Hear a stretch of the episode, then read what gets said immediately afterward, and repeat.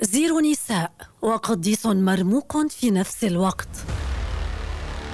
قوته الجسمانية تفوق المعقول تتنبأ بانهيار الإمبراطورية الروسية. قتل بعدة أساليب حتى مات. راسبوتين بين القداسة والشيطان. في أحد ليالي سيبيريا الباردة ولد الابن المشؤوم لعائلته بسبب الشر الذي يلازمهم.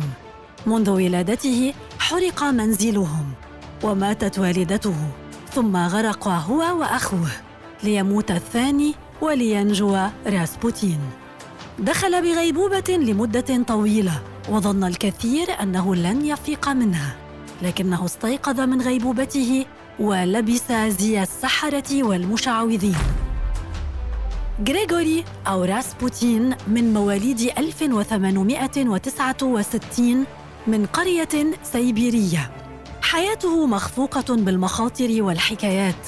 بعد استفاقته من الغيبوبة زعم أنه رأى قدرات إلهية وأصبح قادراً على التنبؤ ومعرفة المستقبل. بالإضافة إلى أنه قوي لا يهزم ويستطيع شفاء المرضى. تزوج وأنجب أربعة أطفال إلا أن ذلك لم يؤدبه وينهيه عن حياة اللهو والسكر وقضاء الليالي مع النساء. لكن الحدث البارز في هذه الفترة من حياة راسبوتين هي سرقة الأحصنة وهو الحدث الذي غير مجرى حياته.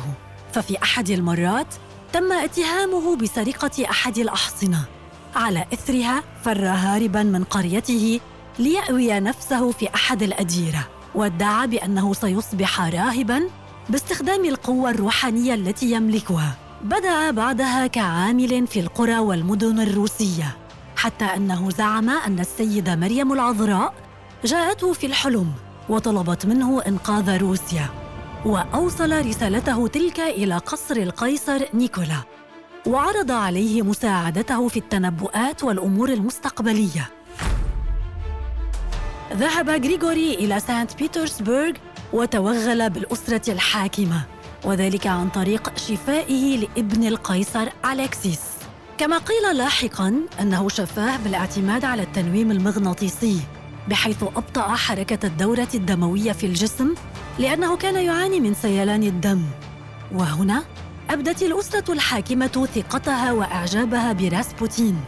بدأ بإنشاء علاقات واسعة مع شخصيات رفيعة وأصبح يصول ويجول في كل الأمور السياسية وغيرها.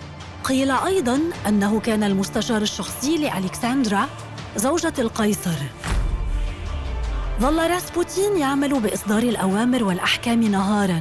أما في الليل فيذهب لممارسة الرذائل مع العاهرات ويحكى عن قدراته الجنسية العجيبة وأن النساء تنجذب إليه وتفتن به بمجرد نظرة واحدة منه. حتى شك في أمره وتمت مراقبته. حينها خطفه ليودور وهيرموجان وهما يمنيان متعصبان وأشبعاه ضربا لظنهما أنه شيطان يريد أن يودي بالإمبراطورية الروسية إلى الخراب ولكنه أفلت منهما وبمحاولة ثانية لنجاته من الموت هرع مسرعا للإمبراطورة واتهمها بمحاولة قتله وتم نفيها خارج البلاد. وفي محاولة أخرى لقتله أرسل ليودور امرأة حاولت قتله بسكين حيث طعنته في بطنه لكنه نجا. أمسكوا بها وادعت أنها قتلته لأنه جر إلى طريق العهر. فيما بعد اكتشف أنها مجنونة وكانت مرسلة من قبل ليودور. لكن آخر المحاولات كانت عندما أرسل راسبوتين رسالة إلى القيصر نيكولا في عام 1916 يتنبأ له بقتله. كان مجراها إذا قتلني أقاربك فلن يبقى أي فرد من عائلتك حيا لأكثر من عامين. أما إذا قتلني أحد أفراد الشعب فسيطول حكمك لسنوات طويلة أخرى. وفعلا هذا ما حصل.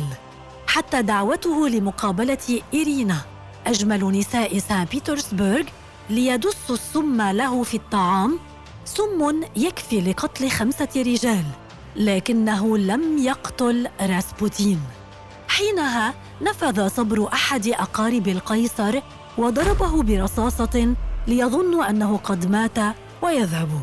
وحين رجع الأمير لأخذ معطفه الذي نسيه وليعاين جثة راسبوتين للمرة الأخيرة وجده حي. أمسك راسبوتين بالأمير وحاول قتله لولا قدوم رفاقه على وقع الصوت. ضربوه بعدة رصاصات أخرى وعذبوه وكبلوا يديه ورموه في نهر النيفا. وهكذا تكون نهاية راسبوتين والقيصر نيكولا في آن واحد. فبعد أشهر عدم القيصر نيكولا وعائلته على يد الثوار الوطنيين.